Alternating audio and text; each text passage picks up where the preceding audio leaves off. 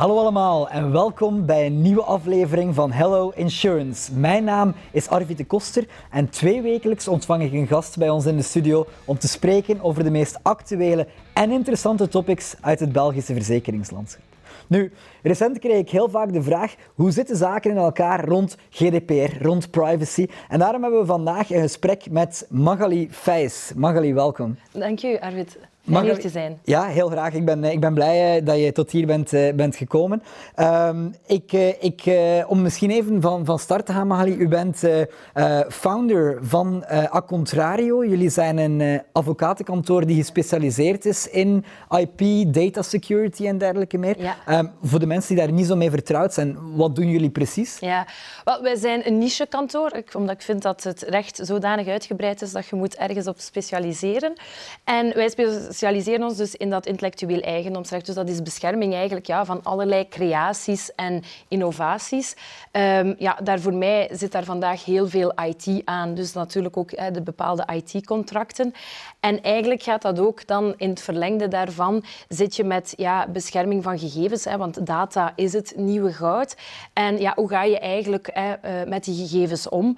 Conform de wetgeving, conform natuurlijk hè, soms ook ethische bepalingen, uh, conform specifieke specifieke wetgevingen, want iedereen heeft het altijd over die GDPR. Mm -hmm. uh, maar, uh, dus om, om, en, en daar adviseren wij bij. En het luik dat we er ook bij doen is data security, omdat mm -hmm. ja, cybercrime ja, vandaag echt wel uh, heel veel gevallen kent. En, mm -hmm. en, en dat is allee, voor ons onlosmakelijk met elkaar verbonden. En daar adviseren wij in, dus zowel juridisch als ook naar, naar security. Ja, ja. want ay, ik heb nu daarnet in de intro en u het zelf ook opnieuw aan GDPR is inderdaad een van die woorden die altijd maar opnieuw valt. Ja. Uh, nu, wanneer we spreken over, over data security en, security en dergelijke meer, gaat het al snel over privacy. Iets mm -hmm. wat, ik, uh, wat ik mij altijd zelf afvraag en wat ook vaak ter sprake komt in dergelijke gesprekken. Uh, ja, is er nog zoiets als privacy? Ja.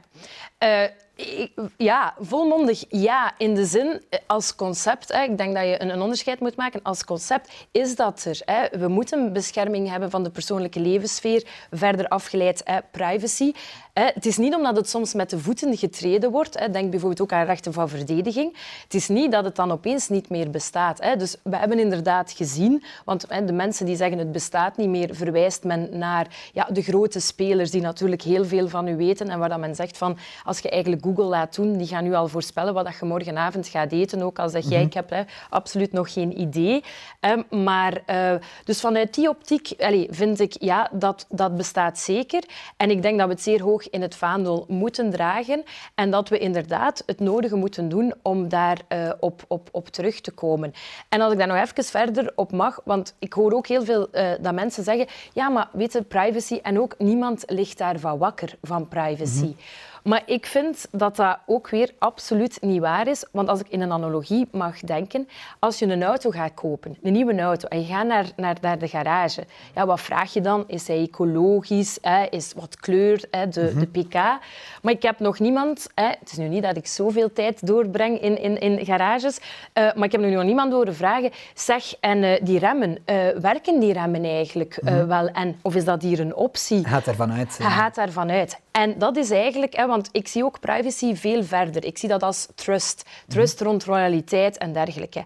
En er is ook niemand die gaat vragen, zeg, die pedalen, dat, allee, dat ambeteert mij daar, allee, die remfunctie, ik zou dat liever niet hebben of u niet. Want mm. iedereen gaat zeggen, nee, een, een auto moet een remfunctie hebben, al dan niet tegenwoordig automatisch.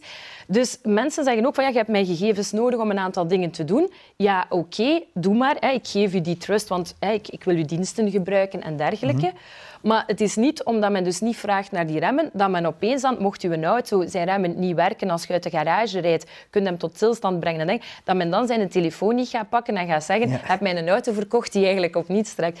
En dat is, dus, dus voor mij is dat de misvatting dat we niet bezig zijn. We zijn misschien niet actief allemaal bezig met, met privacy, maar het is wel een deel van een vertrouwen dat we geven aan bepaalde dienstverleners. En als dan natuurlijk dat vertrouwen geschonden wordt, ja, naar uh, voor security of dergelijke, dan hebben we daar wel een, en terecht een probleem mee. Ja, dus, uh, ja want uh, data security, privacy, dat is natuurlijk geen nieuwe discipline. Uh, alleen is het zo dat vandaag de manieren om data te verzamelen ja, veel uitgebreider worden, waardoor dat de topics daar rond ook, ook actueler worden. Als men tien jaar geleden zou gesproken hebben over wat Facebook bijvoorbeeld allemaal kan, als het over data security gaat, zijn zij een naam die waarschijnlijk ook wel vaak valt, denk ik. maar om dat dan te verplaatsen specifiek naar de, de verzekeringssector bijvoorbeeld, krijgen jullie daar vragen? Hebben jullie bijvoorbeeld klanten uit de verzekeringssector? Ja, wij, hebben, wij staan klanten bij vanuit de verzekeringssector inderdaad van ja, hoe kunnen we bepaalde zaken verder aflijnen. zeker in het begin, met de opkomst van de GDPR, moeten we eerlijk zijn, was er eh, heel veel ja, GDPR-consultants die het licht eh, zagen. Ehm, eh, want ja, wij deden al privacy en, en GDPR, allez, niet GDPR, maar data protection voordat het cool was. Waar we eigenlijk altijd, als we het vroegen, de mensen zeiden, zeiden daar weer. maar en, en toen bestond er ook heel veel misinformatie. Waardoor dat dus ook verzekeringsmaatschappijen opeens kwamen en zeiden van, ja, maar wij, wij moeten medische allez, verzekeringsproducten aanbieden. Maar wij worden nu gezegd dat wij geen gevoelige gegevens, die bijzondere categorie gegevens, niet mogen verwerken. Hoe mhm. zit dat hier? Dus dat is één ding. Ehm, dus daar hebben we geadviseerd. En wat dat we nu ook zien, en ik denk ook een heel mooie opportuniteit voor de verzekeringen, uh, maar is, is het feit dat daar uh, heel belangrijke producten kunnen uitkomen. Hè. Mhm. We zien ook dat, gelet op die aansprakelijkheid, ik, ik vind dat natuurlijk een negatief effect. Hè. Ik vind de, de gegevensbeschermingsautoriteiten moeten zeker optreden. Hè, maar, maar men is natuurlijk nu, om, om wat naam en faam daarin te maken, heel graag hè, eh, een beetje ijverig met, met de, de getallen van boetes. En dan wordt dat natuurlijk, ja, als je dan hè, contracten afsluit, dan zegt men, ja, je moet die data veilig houden. Mhm. Dus dan moet er hè, aansprakelijkheidsbeperkingen. Dat is altijd heel moeilijk om dat te onderhandelen tegenwoordig. En dan kan natuurlijk een verzekering daar enorm in helpen om te zeggen van, kijk, ja, wij zullen u verzekeren voor die en die zaken. Dat men natuurlijk als verzekeraar dan een aantal dingen daarvoor terugvraagt. Lijkt mij zeer logisch. Maar volgens mij ja, is daar een, zijn daar, dat doet men trouwens al, hè, maar zeer mooie producten aan te koppelen. En mhm. dat zien wij, dat wij vandaag de dag ook effectief ja, die markt moeten kennen, omdat heel veel van onze cliënten dat ook vragen van wat is de beste verzekering, hoe moeten we daar gaan en, en hoe moeten we dan eigenlijk dat contract van die verzekering vertalen in onze contracten. Dus, uh, ja, ja. Nu, als we echt kijken naar, naar de sector, de verzekeringssector zelf, uh, de vragen die jullie daar krijgen, wat, wat zijn de grootste bezorgdheden uh, op vandaag? Wel, over ja, wat mogen we met die gegevens doen? Mhm. Uh, want er, er, er, bestaat, en ik denk dat dat een van de grootste misvattingen voor mij is rond, rond die GDPR, is dat, dat men heel veel mensen doen alsof dat, dat opeens voor alles een soort van madame non regelgeving is, die, die opeens zegt, nee, oh, je mag niet meer. Nee, dat is eigenlijk absoluut niet waar. De GDPR in haar geest zegt, je mag eigenlijk een, een, uh, heel wat doen, maar je gaat een aantal regels en eigenlijk een stappenplan. Wij delen mhm. dat altijd op in een stappenplan, omdat het is natuurlijk, allez, laten we eerlijk zijn, niemand wordt blij van een saaie juridische tekst, buiten ons, maar wij zijn een speciaal soort. Nee, maar je moet dat, als we ook met cliënten zitten, uh, uh, dan delen wij dat op in stappen. En dan zeggen wij eigenlijk, ja, je moet die stappen overlopen en je kunt tussen die stappen, dat is een beetje zoals ik noem communicerende vaten, vaak van, mhm. oké, okay, je kan bijvoorbeeld zeer transparant zijn, maar je hebt soms wat meer data nodig. daar kunnen we wat in, in, in schommelen. Uh, maar, maar dus die, die wet laat dat effectief toe, ook bijvoorbeeld naar, naar marketing. Maar je moet een aantal spelregels volgen. Maar als je dat eigenlijk gaat bekijken, die spelregels, dan vinden die ook een oorsprong terug in ethische principes. En um, je kan die ook effectief vertalen naar technische maatregelen, waardoor dat je eigenlijk gaat inzetten één, op je veiligheid, mm -hmm. zeer belangrijk, hè, naar die loyaliteit. Hè, want je wilt niet de verzekeringsmakelaar of verzekeringsmaatschappij zijn die opeens gekend staat voor haar data breaches hè, of, of, of gehackt zijn. En dat, het kan altijd gebeuren, hè, maar, maar uh, dat wil je eigenlijk liefst uh, vermijden. En als je eigenlijk daarop uh, gaat werken, dan ga je eigenlijk zien vanuit een strategisch plan dat je veel met die data gaat kunnen doen. Want die vragen krijgen we wel. Natuurlijk, laten we heel eerlijk zijn, ethisch. Hè. Het, het, het, moet een, een, rechtmatig gebruik zijn van die data. Ja, want natuurlijk, verzekeringsmaatschappijen zijn één, is, is één element, zijn grote ondernemingen. Ze hebben ook vaak de, de, de financiële mogelijkheden om advies zoals dat van, van jullie kantoor te gaan inwinnen. Dat valt meestal bij ons, maar... Oké, ja. maar goed, dat zal, nee, dat zal in elk geval wel, wel een rol spelen. Zeker wanneer we kijken naar, naar kleinere makelaars bijvoorbeeld, die terecht of onterecht denken heel vaak, ja bon, wij, wij hebben niet de mogelijkheden om hier ons te laten professioneel bijstaan, juridisch advies te gaan inwinnen. Zijn er plaatsen waar zij terecht kunnen om bijvoorbeeld informatie desbetreffend te gaan krijgen? Ja, uh, bij ons. Nee, maar ik, ja, dus wel. Maar wat is heel belangrijk, met, dat vergeet men ook. Hè. Je moet uh, allee, geen wat zeg men, een olifant hè, voor een mug te doden. Of, ja. um, ik denk inderdaad, hè, het, het, het, hetgeen dat een verzekeringsmaatschappij moet doen om bijvoorbeeld alles in orde te krijgen, en dat, dat is een veel grotere oefening dan bijvoorbeeld een makelaar. En ik denk dat je echt wel naar uh, uh, customized advies moet gaan van wat past er bij ons. En je moet daar geen zaken gaan voorstellen van, van maatregelen. Allee, je moet geen bazooka daar binnenbrengen. Mm Dus wij kijken ook altijd wel heel duidelijk van wie staat er tegenover ons. En vandaar dat ik zeg, wij adviseren ook bijvoorbeeld heel veel start-ups en, en scale-ups. En, en voor hun is dat een heel andere oefening en mhm. valt dat eigenlijk wel mee. En wat is daar het voordeel? Omdat de, de regelgeving zegt, je moet passende maatregelen. Passend voor ja, het aantal gegevens dat je hebt, voor je budget, uh, voor wat dat er mogelijk is. En dan, en het voordeel is ook, als je daarin wat kleiner bent, kan je het eigenlijk vanuit de fundamenten veel beter gaan mhm. zetten. Terwijl als je, laten we heel eerlijk zijn, een mastodont bent van een bedrijf, Klopt. Hè, dat, wat dat logisch is, maar dan moeten al die mensen opeens allemaal onder hetzelfde krijgen en die fundamenten gaan, gaan mhm. aanpassen, dan zijn wij bijvoorbeeld al eerst drie weken bezig om uit te zoeken waar al de data zit en heel die dataflows. Terwijl bij een makelaar kan ik mij voorstellen, heb daar even een gesprek mee van een uur en wij weten perfect hoe en wat, hoe dat de vork aan de steel zit. En dan kan je heel, en dan moet je dan ook geen rapporten gaan schrijven over hoe dat je de dingen moet doen. Dan moet je ze gewoon doen en zeggen van kijk, wij gaan nu quick wins een aantal dingen voor uw winkel, hè, het, mm het, eh, de, de window dressing in orde maken.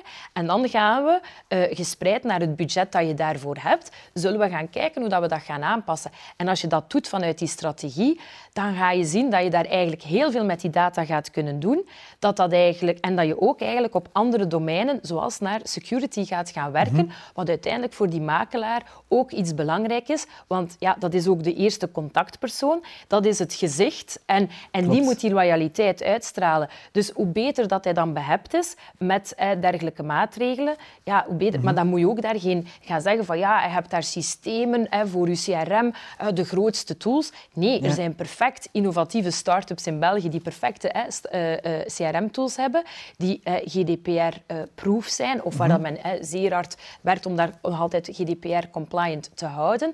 En dan kan je daar beroep op doen en dan kan je eigenlijk op die manier zeer pragmatisch gaan, gaan werken. Ja, want een vraag die wij recent kregen, en dat is iets wat ik zelf ja, toch schokkend vond, zal ik maar zeggen, is er kwam een makelaar tot bij ons en die zei, ja, wij gebruiken vandaag ons CRM-systeem. In, in de makelaarswereld heet dat dan de BMS, de Broker Management Systems. Ehm, en uh, ja, daar zit natuurlijk data in van onze klanten. Nu, die, die, die makelaar in kwestie die had zichzelf verdiept in de GDPR-wetgeving en die had daaruit afgeleid, ja, nu moet ik eigenlijk iemand gaan aannemen. Hè. Nu moet ik uh, een uh, data protection officer, zoals het dan heet, in dienst gaan nemen. En die vroeg ons, ja, is dat nu echt nodig dat wij daar fysiek in gaan investeren, zal ik maar zeggen, om iemand daarop te zetten?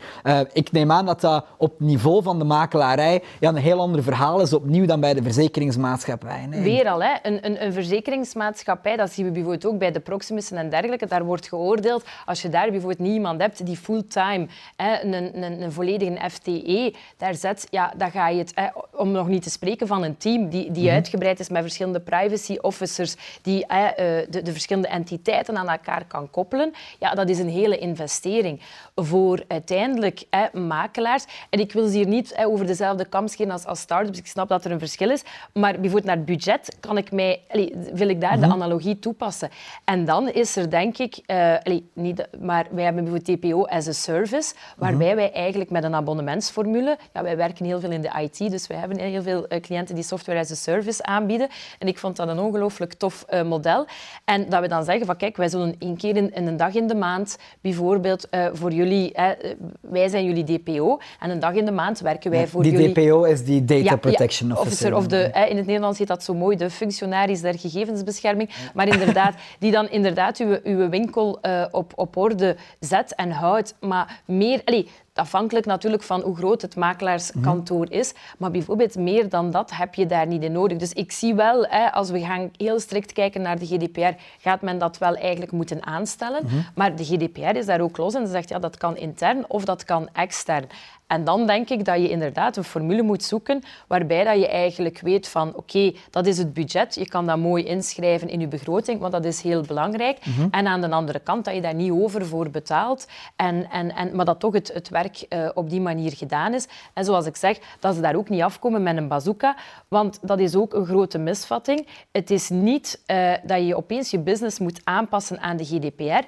Je moet eigenlijk GD, de GDPR als een soort van blauwdruk mee op je business uh, zetten. Mogelijk ga je hier en daar eens iets anders moeten doen, maar dat is de bedoeling. En, en ik, allee, meen ik, hè, en niet omgekeerd. En, mm -hmm. en dan denk ik dat dat eigenlijk een oefening is. Allee, dan heb ik nog geen één bedrijf bij ons gezien of geen één cliënt die gezegd heeft dat vinden we nu eigenlijk helemaal van de pot gerukt wat dat hier wordt voorgesteld. Op ja. die manier zien we ook de voordelen. En ook als je het koppelt aan inderdaad dat veiligheidsbeleid. Wij koppelen dat ook heel vaak dan aan de IT-contract, of aan de contracten. Mm -hmm. De IP, allee, dat, dat, als dat wordt meegenomen, dan ga je daar echt vanuit die positieve uh, oefening, dan ga je daar eigenlijk veel meer de voordelen van zien. Mm -hmm. En bovendien, als je dan inderdaad gevraagd wordt, hè, want ik kan me voorstellen, makelaars, hè, als wij een makelaar ook vragen, dan vragen we, ja, hoe zit het met uw GDPR? Want hè, dat is het eerste mm -hmm. dat we natuurlijk mijn cliënten naar mij vragen, van ja, dat is wel goed, hè, je kunt ja. het wel allemaal zeggen, maar hoe zit het met jullie systemen? Dus wij moeten, dus wij moeten dat ook vragen. Mm -hmm. Ja, uh, als ik er dan moet kiezen met iemand met ongeveer dezelfde voorwaarden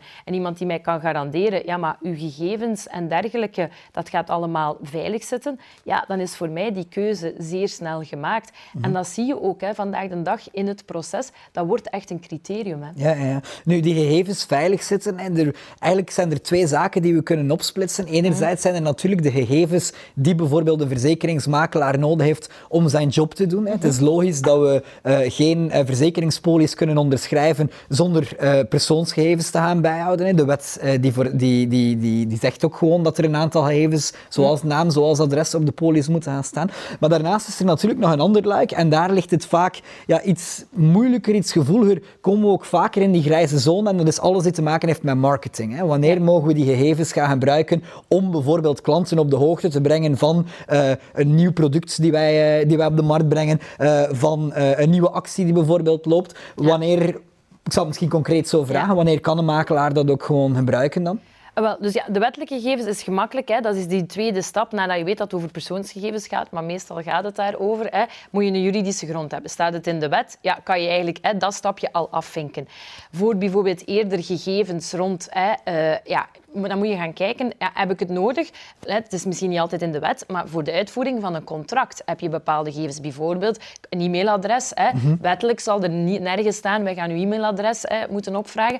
Maar daar kan je doen, hè, als je natuurlijk een contract hebt, ja, moet ik u kunnen ja, zaken Ik communiceer mailen. met mijn klanten via voilà. e-mail, dus ik voilà. moet uw e-mailadres voilà. hebben. En dan hè, moet je natuurlijk wel wat kijken. Die, die direct marketing is een iets wat complex verhaal. Dat hangt er heel hard vanaf als je alles puur online doet. Dus stel dat je gewoon een digitaal marketing, um, sorry, makelaarskantoor bent en zegt van ik kan volledig eigenlijk bij ons inschrijven zonder dat wij moeten langskomen of dergelijke digitaal, ja, dan ga je wel uh, uh, rekening moeten houden dat ofwel uh, voor die marketing te kunnen doen, dat je daar een vrije toestemming gaat moeten vragen.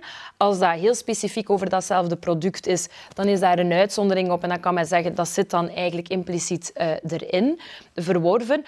heb je effectief dat contact gehad, dan kan men ook zeggen dat zit er impliciet in verworven. Dus dan gaan we uit van ofwel uitvoering van een overeenkomst en zegt men verder voor die marketing, ja, rechtvaardigd belang. Men mag ervan uitgaan, hè, het feit dat wij bijvoorbeeld hè, nu met elkaar geconnecteerd zijn, mag ik ervan uit, allez, mag jij er eigenlijk van uitgaan dat ik jou bijvoorbeeld eens een nieuwsbrief ga sturen mm -hmm. over a contrario. Ik mag ervan uitgaan dat hè, jij mij vanuit hè, uh, wie groep of hè, Dus u hoeft het... geen toestemming te vragen aan mij om die nieuwsbrieven naar mij uit te sturen? Nee, nee. Hè, in bepaalde uh, gevallen, nu dat is inderdaad, soms is dat wat uh, uh, is dat, moet, moet je gaan kijken van zit je app puur digitaal, want dan heb je die e-privacy-richtlijn om het wat moeilijker te maken. Dan is er een bijkomende wetgeving waar dat je rekening moet mee houden. Maar wat is natuurlijk wel het belangrijke, wat dat veel mensen uit het hoofd uh, verliezen, is dan die volgende stap waar dat men zegt van ja, maar je moet data minimalisatie doen, maar heel belangrijk, transparant zijn. Mhm. En dus vandaar die strategie ook. Wij vragen ook altijd aan onze cliënten, wat wil je allemaal doen met, met de data en welke data heb je nodig? En als men tegen ons dan zegt, ja, wij willen bijvoorbeeld aan direct marketing doen, eh, dan gaan wij kijken van, ja, moeten we hier die expliciete toestemming vragen of niet? Eh, er is ook een verschil, wil je direct marketing doen puur op je naam, of wil je dat doen bijvoorbeeld op grond van medische gegevens? Voor me mhm. laten we daar ook eerlijk zijn, dat ligt ook gevoeliger. Hè? Als je een bepaalde aandoening hebt, dan opeens krijg je daar... Allee, eh, dat, is die ethische kwestie voilà, natuurlijk Dat zijn die ethische kwesties. En ik zeg daar ook heel veel, volg daar ook een stuk je gezond verstand en je buikgevoel. Hoe zou je zelf zijn als je zo een nieuwsbrief krijgt? Maar, als je, uh, maar dus je kan daar wel op, op inspelen. Dus die transparantie is dan heel belangrijk. Dat je bijvoorbeeld de mensen daar heel transparant van op de hoogte brengt. Dat is ook de reden waarom dat wij grote voorstander zijn om met bijvoorbeeld uh, onze privacy policy, dat zijn zo die typische lange documenten. Ik vind dat zelf ook oersaai. Ik ben mhm. daar tegen. En ik vind, je moet dat net, als je aan marketing wil doen, moet je dat net inbouwen in je marketingverhaal. En ook, wie ben jij?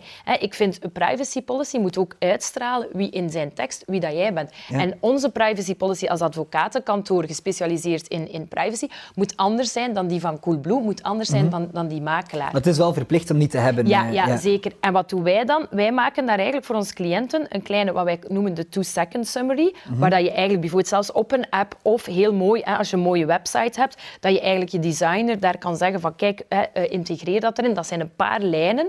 Men, hè, men, leest dan van, ah oké, men gaat dat doen. Hè, de mensen die dat willen lezen zijn geïnformeerd. Mhm. Klikt men door, dan krijgt men bij ons wat wij noemen een one-pager, de two-minute summary.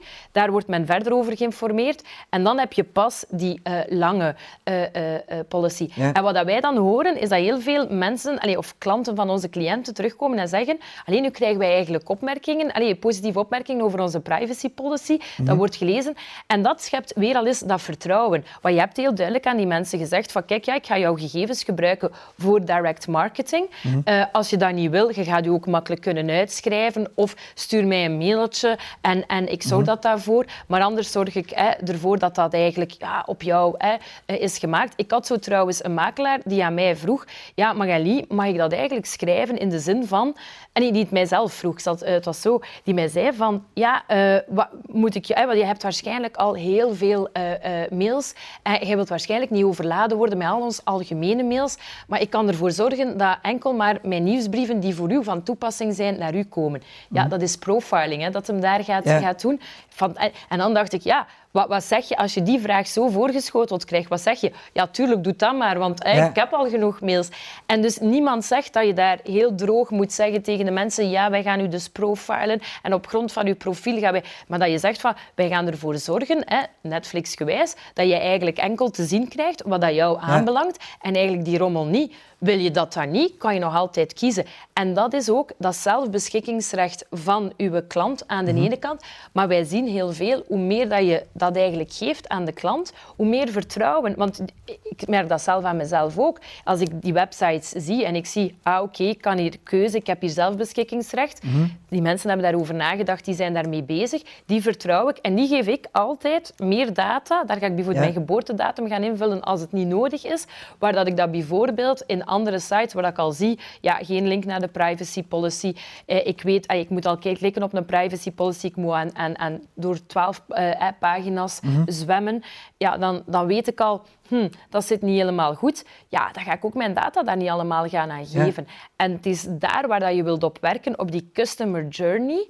Uh, en dat kan je eigenlijk helemaal perfect integreren in, in dat, of, of je kan het GDPR-verhaal mee integreren in die customer journey. Ja, want dat is een belangrijk element. Hè. Dat hoor ik heel vaak terugkomen. En ik denk dat dat ook wel een mythe is binnen eh, de GDPR-wetgeving. We moeten voor alles toestemming gaan vragen. En dan krijg je de lijsten met vier, vijf, zes consentvakjes. En ik ga daarmee akkoord en ik ga daarmee akkoord. Terwijl dat, en terecht, hè, de, de opmerking vaak komt, als we dit in een digitale beleving willen maken, ik zeg maar iets in termen van een makelaar die online een offerte-mogelijkheid wil bieden aan zijn klant, of zelf uh, de mogelijkheid om schade te gaan aangeven, dan zeggen ze ja, doordat we zoveel uh, de toestemming moeten vragen aan de klant om bepaalde gegevens te verwerken, ja, dan is de usability, de, de user experience, de gebruikerservaring wordt zo slecht dat we het eigenlijk liever offline gaan doen. Maar wat je nu zegt is eigenlijk zo, dat, dat hoeft helemaal niet. Hoeft zeker niet. Hè. Het is dus inderdaad zeker een mythe dat die toestemming hè, dat dat de enigste grond is. Hè. We hebben zes gronden.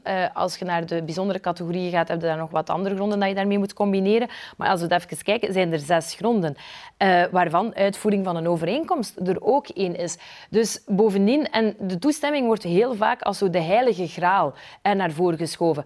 Maar ik heb daar vaak een probleem mee, want één, uh, toestemming, ja, ze moet vrij zijn, hè, maar, maar aan andere kanten, bijvoorbeeld als, als je in een contract zit met, met ons en wij moeten ons diensten, en stel je voor dat je toestemming zomaar kunt intrekken, allee, vaak zijn de zaken ook gebaseerd op uitvoering van een overeenkomst. Dat, bovendien, als je vijf vakjes moet beginnen aanduiden en checks, ja, dan geloof ik ook niet meer dat dat nog aan mhm. geïnformeerde toestemming, want wie is er dan nog aan het lezen over wat dat, dat gaat? En als je daar allemaal een samenvatting moet zetten, of zelfs met een hoever over, hè, dat je er met je muis over gaat en dat er een mooie pop-up komt, ja, allee, niemand die daar nog door het bos de bomen ziet. Dus ik vind, en, en dat is ook weer die geest van die uh, wetgeving, die zegt niet van je moet al die toestemming, die zegt je moet eigenlijk zeer duidelijk, desnoods met pictogrammen, met video's, gaan werken. En vandaar dat, dat ik heel veel zie en, en ook heel veel GDPR-consultants hoor, zelfs rond die marketing. Hè, uh, ah ja, e-privacy zegt dat je echt een check moet zetten. Ik heb het onlangs nog gezegd, aan, nee, excuseer, maar jullie vergeten allemaal de uitzondering op die regel die zegt dat hè, een opt-out, uh, wij noemen dat een soft opt-in, maar dat je eigenlijk bijvoorbeeld kan zeggen, door hè, op indienen te klikken, uh, ga je, en dat staat eronder, door hier op mhm. indienen te klikken, ga je akkoord met de privacy policy en onze algemene voorwaarden. Nu, dat is natuurlijk altijd goed te bekijken van, van situatie per situatie, want er is niet zoiets als one size fits for all. Dus ik kan niet zeggen aan iedereen, ah, je moet nu nergens niet meer een, een checkbox hebben. Want daar zijn ze bijvoorbeeld bij Facebook uh, kampioen in, hè? Om, om geen vragen te stellen, maar dan heel veel zaken te verbergen, of verbergen begraven in de algemene voorwaarden. En eigenlijk heb je toestemming gegeven voor heel veel zaken. Maar je hebt hè, volgens mij, en dat is het ook, hè, geen toestemming gegeven, want je weet het eigenlijk niet. Je hebt zeker geen geïnformeerde toestemming gegeven. Men is begraven in de algemene voorwaarden of de privacy policy is bij Facebook. Ja, sorry, ik heb nog de procedure tegen Facebook hè, meegedaan. Dus ik ben geen, op dat punt geen grote fan van Facebook. Niet van, heb je zelf Facebook tussen? Dat wel. En dat is, uh, dat, ja, zie je, je hebt toch zelf Facebook? Maar onze procedure ging nu net over het feit dat zelfs Facebook niet Facebook-users tracked en traced. En, hè, dus, uh, dus of dat je het nu hebt of niet, eigenlijk... Hè, hangt er toch aan. hangt er toch aan. Nee, uh, en, en, ik gebruik het ook heel vaak om Facebook, om artikels over Facebook tegen Facebook, over, over privacy daar te posten. Nee, maar, maar men, ofwel verbergt men het, ofwel uh, is men er niet transparant over. En ik ben nog uitgenodigd door Facebook en ik heb dat gezegd van, maar je hebt een ongelooflijke opportuniteit om daar transparant over te zijn. Vandaar bijvoorbeeld dat ik zeg, die, die two-minute summary of die two-second summary, dat is ideaal, want als je dat op open en bloot op die manier mhm. aan die mensen uh, uh, zegt, ja, dan, dan, dan kan je soms met één check genoeg hebben, omdat je juist zeer informatief bent geweest. En wij doen dat bijvoorbeeld ook. Hè, dat is eigenlijk, je moet alleen informatief zijn bij de toestemming. Maar wij zeggen bijvoorbeeld als je akkoord gaat met de algemene voorwaarden, ja, dat is geen toestemming. Het is nu heel juridisch technisch, maar dat is eigenlijk veel sterker. Dat is een akkoord. Wij sluiten mhm. een contract tussen elkaar. Mhm. Dat doen wij hè, daarin vaak ook. Je kan ook bepalen wat er in je contract moet staan. Maar wij zeggen nog altijd, wij gaan enorm informeren naar het contract. Ik vind bijvoorbeeld ook algemene voorwaarden, maakt dat inderdaad niet zo en die kleine lettertjes en dergelijke. Ik ben een zeer grote voorstander om daar bijvoorbeeld ook een summary aan te hangen of met blokjes ernaast te werken en zeggen... In de verzekeringssector is dat iets die, uh, die natuurlijk zeer, zeer praktisch is. Hè? Men heeft hier uh, binnen de IDD-wetgeving de IPIT-fiches uh, in het leven roepen, die eigenlijk de samenvatting is van de algemene voorwaarden. Dus als ik u hoor spreken over die, die two-minute summary, dat is eigenlijk de IPIT-fiche van de privacy agreement, zal ik maar zeggen. En, als je, en, en, voilà, en dat is net gemaakt om mensen te informeren, omdat men zegt, ja, je moet niet door hè, die ellenlange teksten, die natuurlijk wel nodig zijn, hè, want er komt daar veel bij kijken. Dus ja, wij gaan dat ook nog altijd moeten schrijven schrijven voor onze klanten. Maar laten we inderdaad hè, die, die IPIT-fiches, uh, dan natuurlijk voor de privacy policies, tailor-made maken en echt naar, naar uw klanten. Heb jij B2B-klanten, dan zou ik hopen dat u een two-minute summary eigenlijk een andere, manier, eh, een andere, een andere stijl heeft dan bijvoorbeeld naar B2C. Ja, ja, ja. Ik ga misschien even uh, terug, Mali. We waren daar net al over een mythe bezig rond die, uh, de akkoordvragen, die, die fameuze consent. Um, een andere mythe waar wij vaak ook vragen over krijgen,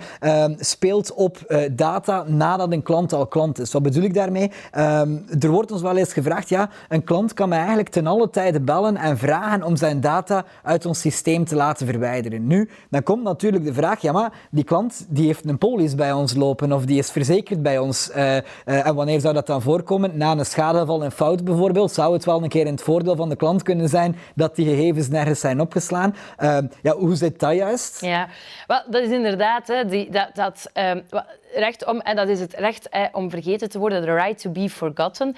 en dat wordt zo... zeer poëtisch. Ja, zeer, zeer poëtisch. Ehm, ik vind dat het te, te, te gemakkelijk is gekopieerd van, vanuit het feit dat je bijvoorbeeld in Google wel kan vragen, als je in de Google search terechtkomt, dat je kan zeggen van ja, kijk, bijvoorbeeld dat stuk, ik wil dat vergeten worden. Men heeft dat copy-paste wat in de GDPR gezet.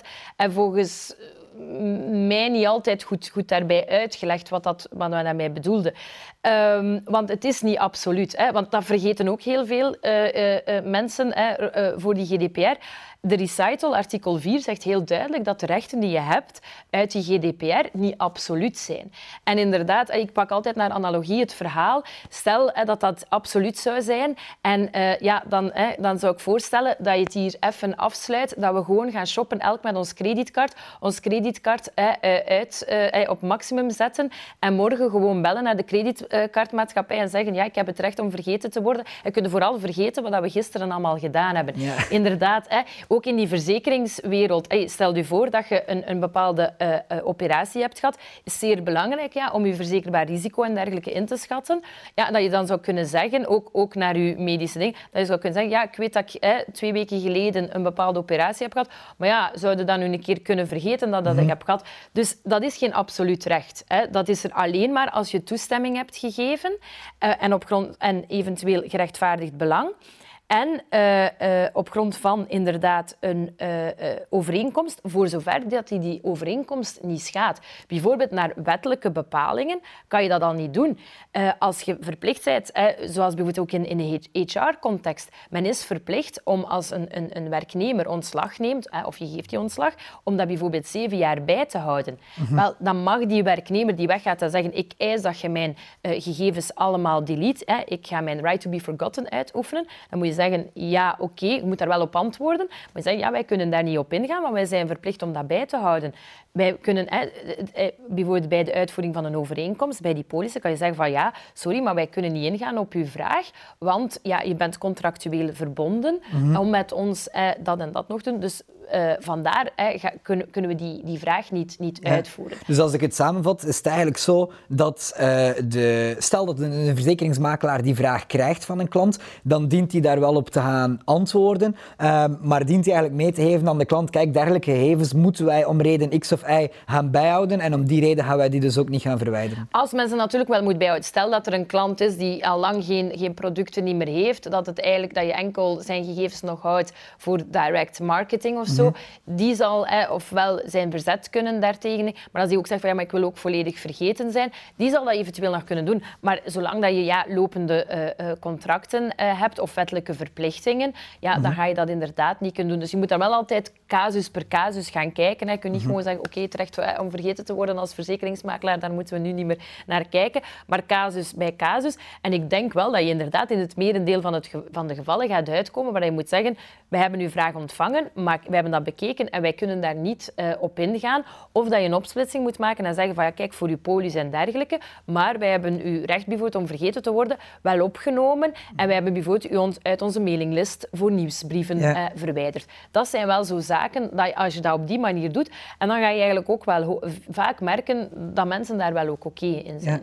Nu, stel dat een makelaar hier uh, inbreuken uh, tegen uh, maakt. We hebben daarnet al gesproken over de verhalen rond fameuze boetes. Ik ken de wetgeving ja, zeker niet zo goed als u, maar in het algemeen niet, niet 100% rond die beboeting dan.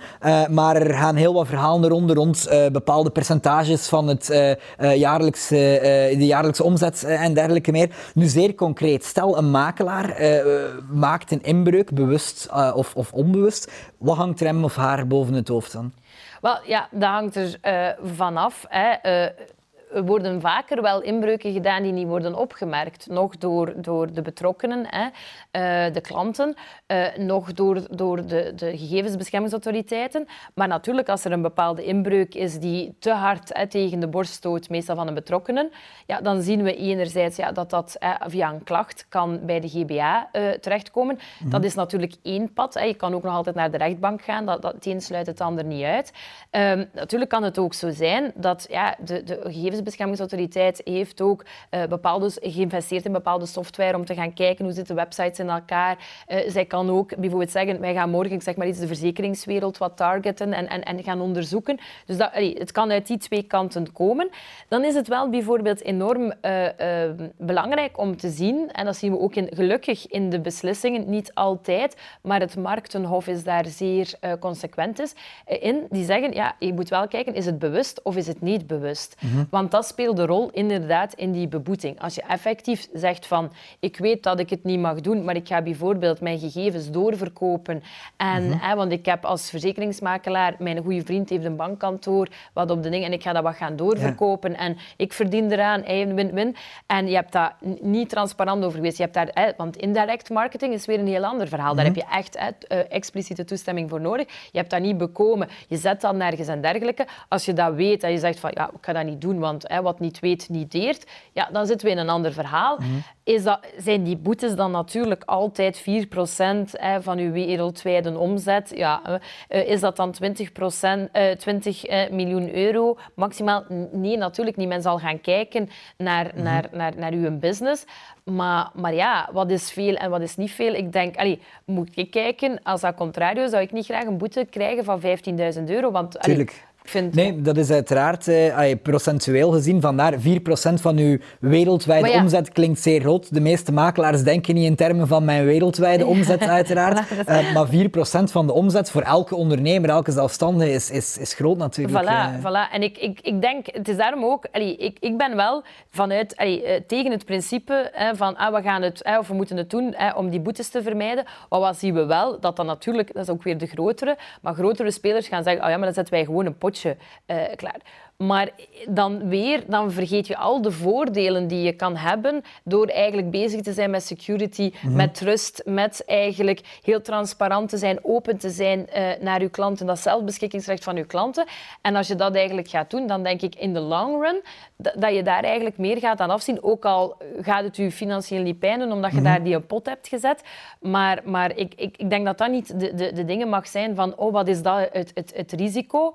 Wat wij wel natuurlijk doen, is soms hè, heb je de 100% juridische juiste uh, uh, manier, maar dan horen wij soms ook van klanten, ja, maar ja, als we dat helemaal zo moeten doen, of 100% juist, ik zal het ook anders zeggen, de manier hoe dat bijvoorbeeld de gegevensbeschermingsautoriteit, hè, want afhankelijk van land tot land is die al strenger of niet, eh, en terecht of onterecht daarin, mm dan, dan moeten wij zeggen van ja, dat is eigenlijk als we het advies... Kijk, we hebben vandaag nog een advies daarin gegeven, dat we zeggen als wij eigenlijk het advies volgen van de GBA, hoewel dat wij ook niet eh, allee, denken van dat daar wel meer mogelijkheden in zijn, maar ja, de GBA heeft zich daar blijkbaar nu zo over uitgesproken, mhm. ja, dan, dan moet je het eigenlijk zo doen. Maar dan komt de klant eh, terug die zegt ja, maar ik wil toch wel die mogelijkheid hebben, want anders is dat niet mogelijk, anders verliezen wij zoveel dit. Ja, en dan ga je eigenlijk wel gaan, een risico-inschatting gaan maken en zeggen van kijk, we zullen het dan zo doen, pas dit en dit. En dan heb je nog altijd een risico, maar als je dan kan aantonen, we hebben over dat risico nagedacht, we hebben extra ingezet op security, we hebben bijvoorbeeld die transparantie verhoogd en mhm. dergelijke. Als je dan een klacht krijgt en je moet dat dan gaan, gaan, gaan uitleggen, ja, dan is het een heel ander verhaal, want dan heb je niet dat bewust ik heb hè, wat niet weet, niet teert uh, scenario. Maar dan heb je echt gezegd van, kijk, we zijn daarover bezig geweest en wij hebben daar een interpretatie gemaakt van hoe dat die regel is u mag misschien denken dat dat niet helemaal juist is, maar het is niet dat we hier de andere principes aan de laars gelapt hebben. En dan zien we dat, dat dat ook een heel andere beslissing met zich meebrengt. Ja, ja. misschien als afsluiter, stel ik ben een makelaar, ik zie uh, dit, uh, dit gesprek en ik denk, goh, ik, ik, ben daar eigenlijk helemaal niet mee bezig van, na GDPR is, is ver van mijn bedshow, ik heb daar nog nooit over nagedacht. Welke zaken zou u mij meegeven om, om dat te gaan vastnemen morgen? Ja, wel, ik denk uh, ten eerste dat het zeer interessant is als je het wilt doen vanuit de goede optiek om je daarin wel te laten begeleiden. En dat hoeft, zoals we al eerder gezegd hebben, geen immens kostenplaatje te zijn. Uh, dus vandaar zou ik zeggen, ja, uh, surf zeker naar A Contrario of stuur ons een mailtje. Maar, ehm, dus dat is één ding, daar die begeleiding... Dan krijgen we wel een nieuwsbrief, veronderstel ik. Nee, nee, we hebben geen tijd voor onze nieuwsbrieven, dus nee, nee, nee dat, dat, mogelijk. Maar je kunt nu altijd uitschrijven. Nee, nee. Maar het ding is, en dan, waar dat je zeker, als, als men nu dan look, want ik weet dat er ook natuurlijk andere spelers op de markt zijn. Uh, maar dan moet je eigenlijk kijken dat men nu zeer pragmatisch zegt van oké, wij kunnen eigenlijk op zeer korte termijn een heel aantal quick wins, noemen wij dat, doen. Dat is die privacyverklaring in orde uh, zetten, uh, kijken op de website. Vaak uw website developers, die weten ook wel van wanten. Dus bijvoorbeeld, wij zitten vaak is een half uur een call. Ja, we zouden daar toch nog dat zetten. Kan je die samenvatting daar niet zetten? En je ziet eigenlijk op een half uur ja, die tekst maken, dan, meestal duurt dat nu wel iets langer. Mhm. Maar op, op een, allez, een dag, twee dagen kunnen, kun je eigenlijk al heel veel doen om, om die basis, wat wij noemen de fundamenten, aan te pakken en, en te zorgen hè, dat de window dressing in orde is. En dan eigenlijk een, een soort van stappenplan, roadmap te maken van kijk, wat doen we nu binnen, zeg maar iets, de eerste zes maanden, het eerste jaar. En wat doen we in een derde fase naar mhm. hè, hoe gaan we dat eigenlijk up-to-date houden, zorgen dat we, hè, want, want het is niet omdat je het vandaag bijvoorbeeld goed bent allez, of bepaalde beveiliging hebt, ja, als hè, uh, binnen twee jaar two-factor authentication uh, uh, iets is van oh my god, two-factor authentication, dan waar komen ze nu mee af? Mm -hmm. ja, dan moet je natuurlijk daar bijvoorbeeld wel op, op ingespeeld hebben. Maar je ziet, dat zijn die fases. En ik denk dat het zeker mogelijk is voor makelaars om iets zeer tailor-made te krijgen, waarbij dan ze eigenlijk op korte termijn echt geholpen kunnen worden. Mhm. En als ze dan de tijd verder hebben om in die roadmap op wat langere termijn ja, bepaalde goals te zetten en daar dus ook een, een budget dat weer niet, niet onnoemelijk veel per se moet zijn, maar om dat eigenlijk mhm. te gaan budgetteren en te zeggen, kijk, wij gaan dat en, en, en dat doen. Ja. Dus als ik het samenvat, uh, Piet Huizentrijd-style, uh, zal ik maar zeggen. Ja, zorgen dat je kunt uh, begeleid worden, of zorgen dat er begeleiding is voor u. de window dressing, zoals u het noemt. zorgen dat het fundament er, er ligt. alles wat te maken heeft met uw data security, GDPR en dergelijke meer. En tot slot eigenlijk zorgen dat er een roadmap wordt opgesteld om op lange termijn ook te zorgen dat de makelaar future-proof met die wetgeving kan omgaan. Ja. Alright, goed. Magali, heel hard bedankt om hier vandaag te zijn. Ja, voilà. heel fijn. U uiteraard bedankt om te kijken. Deze aflevering van Hello Insurance zit er alweer op. Hebben jullie nog vragen uh, voor Magali? Dan kunnen jullie die zeker stellen uh, in de comments onder in dit filmpje. Of Magali, waar kunnen de mensen terecht? Ofwel op uh, www.acontrario.law of magali.acontrario.law. Voilà, kijk, jullie hebben het gehoord. Heel hartelijk bedankt. Hebben jullie nog vragen, dan kunnen jullie bij ons terecht. En ik zie jullie heel graag terug voor de volgende Hello Insurance.